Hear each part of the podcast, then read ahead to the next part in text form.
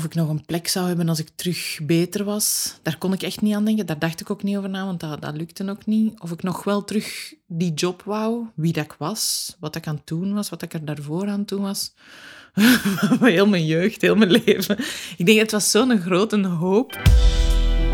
Je luistert naar Omdat we naar de zee stromen. Een podcast van Stoneboat en Pink Crybaby over hoe we allemaal anders in de tijd staan. In deze tweede aflevering ga ik op bezoek bij Annelies Moons, die toevallig ook mijn vrouw is. Ben je nieuw hier? Beluister dan zeker eerst de eerste aflevering. Kwestie van ook mijn grootmoeder te leren kennen.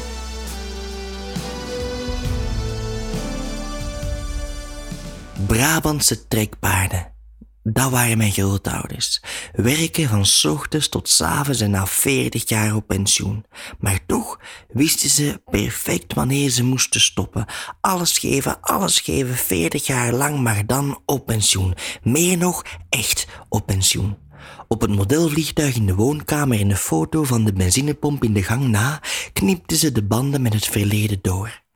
Mijn generatie is anders. Wij, wij werken ook hard, maar anders. Wij werken met ons hoofd, niet met onze handen. En wij weten juist niet wanneer we moeten stoppen. Wij, wij kunnen niet doseren. We geven alles en we geven alles meteen. We jagen de dromen waar ons hart van overloopt allemaal tegelijk na. We gaan te hard, waardoor we af en toe met ons hoofd tegen de muur botsen. Als je de weegschaal maakt tussen enerzijds, je had de job van je leven die iedereen wilt, en anderzijds, en toch heb je een burn-out gekregen, dan scheelt er voor mij iets in de en toch. Ik denk dat daar vooral een en dus zou moeten staan.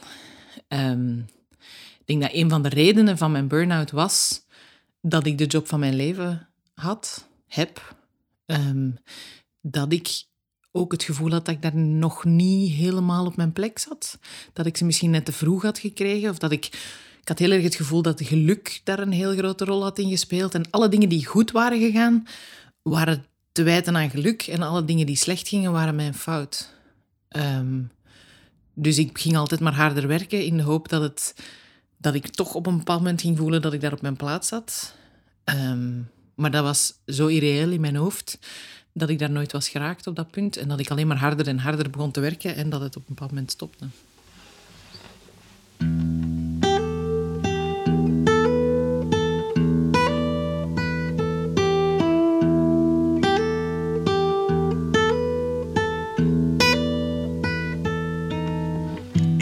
Snel op adem komen.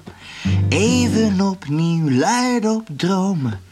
Even de balans opmaken.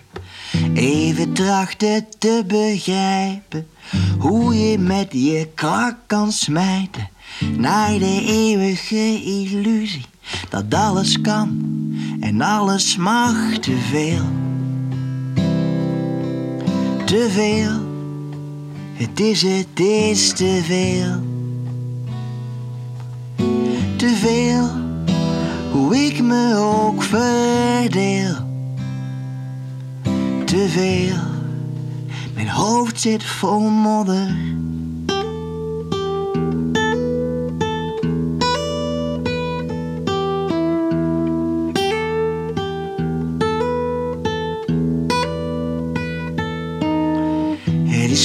Ik kom niet buiten. Toch nog voor de winkel sluiten. Even naar de apotheek. We gaan zo hard, we voelen weinig. Ons vizier staat op oneindig. Als we door het ijs gaan, duwt ons lichaam vast op stop. Te veel. Te veel. Het is, het is te veel. Veel. Hoe ik me ook verdeel. Te veel. Hou me tegen, hou me tegen. Ik heb al veel te lang niet stilgelegen. Hou me tegen, hou me tegen. Mijn hoofd zit vol modder, hou me tegen, hou me tegen. Ik heb al veel te lang niet stilgelegen. Hou me tegen, hou me tegen. Mijn hoofd zit vol modder. Mijn hoofd zit vol modder. Mijn hoofd zit vol.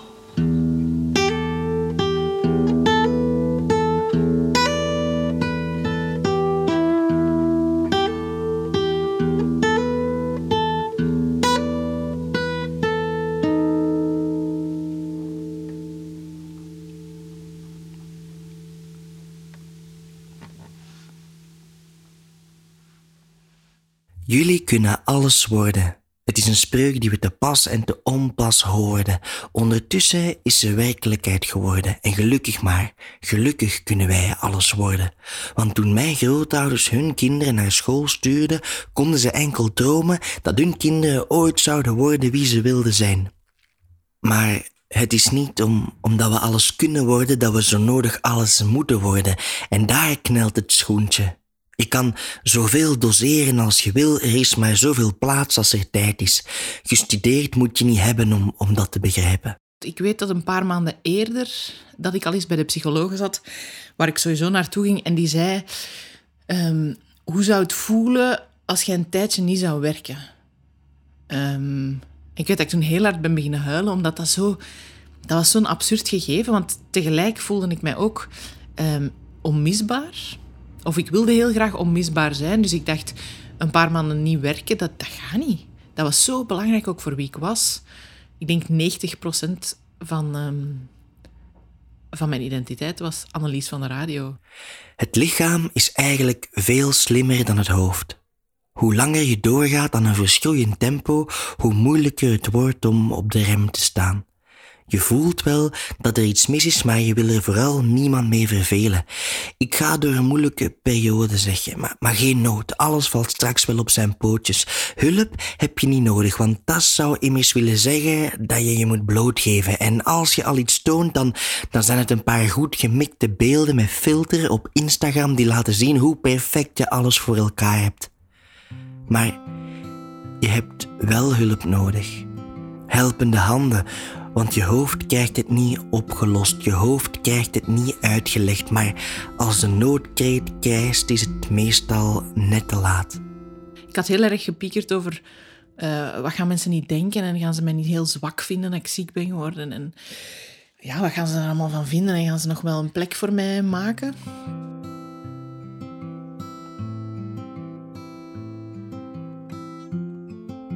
Ik hoef niet tegen iedereen te zeggen dat het niet goed gaat als het niet goed gaat. Ik ben blij dat ik het kan zeggen tegen de mensen die ertoe doen. En dat is een heel groot verschil.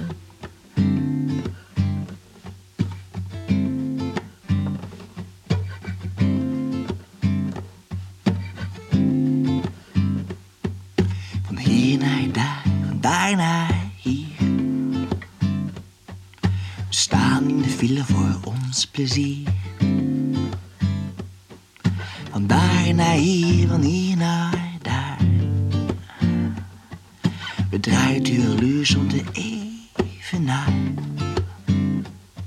Wat we doen maakt deel uit van het masterplan.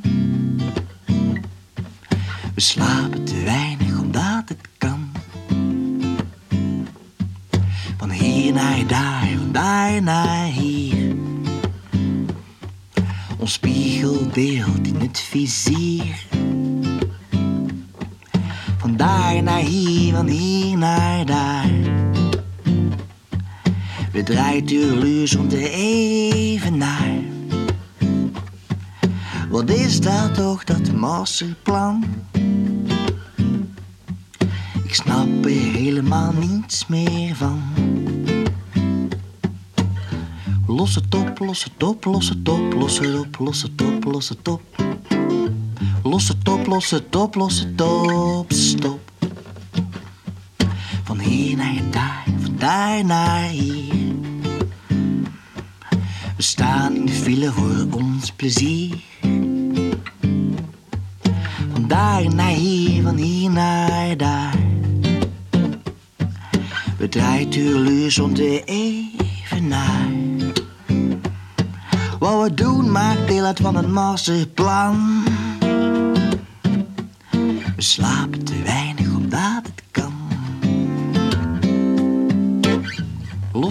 los het op, los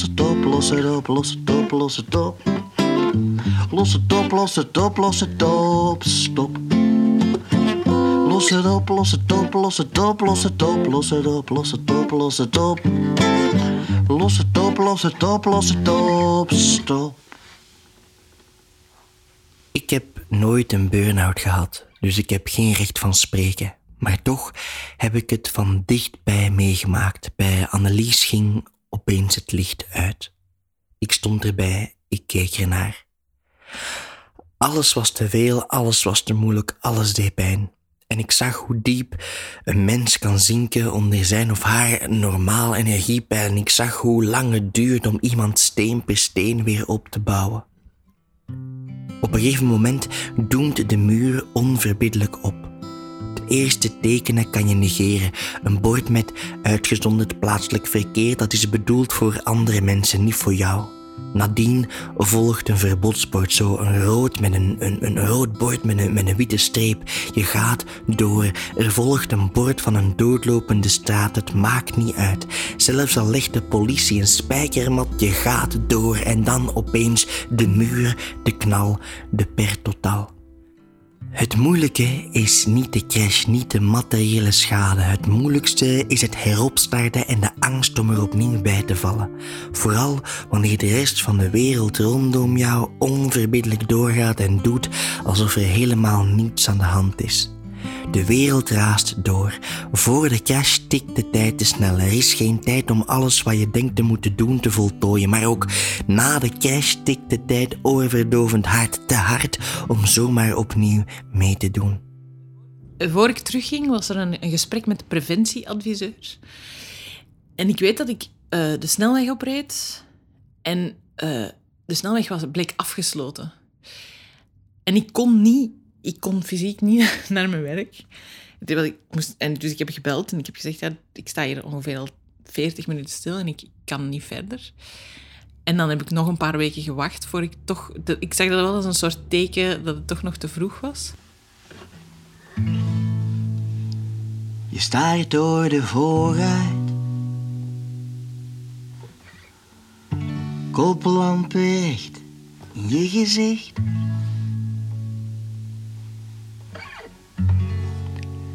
Met je vingers om het stuur heen voel je je verplicht om mee te rijden. Scharnieren piepen krijzend. Als een ijle schreeuw.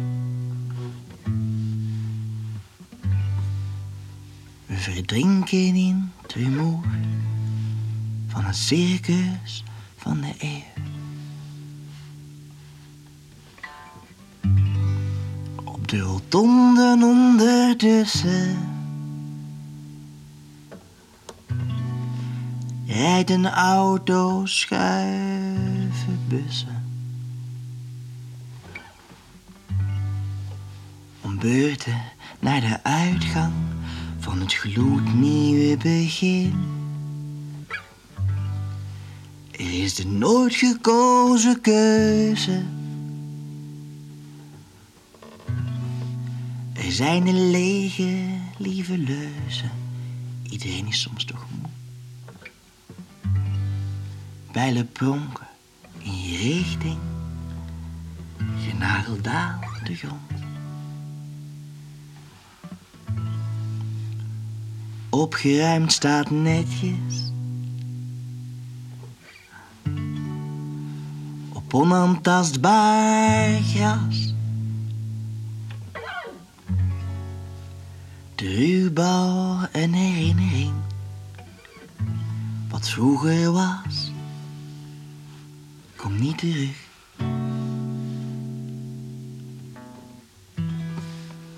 Al blijf je eeuwig stilstaan. Al start de motor niet opnieuw.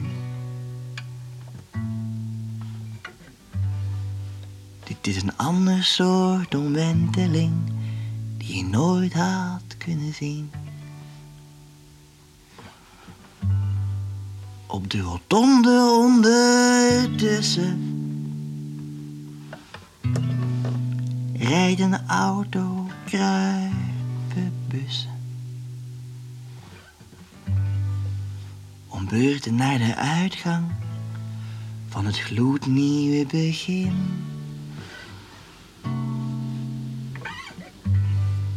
Er is nooit gekozen keuze.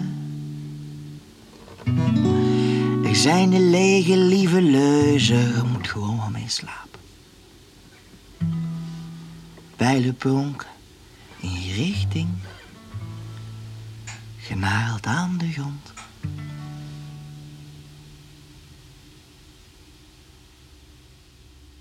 Er is een beeld uit meditatie dat ik nu echt gewoon de hele tijd moet aan- denken dat de wolken zijn er soms.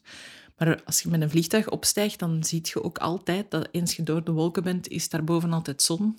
Dat ik ze alleen soms niet zie. En soms lang niet zie. En dat is ook oké.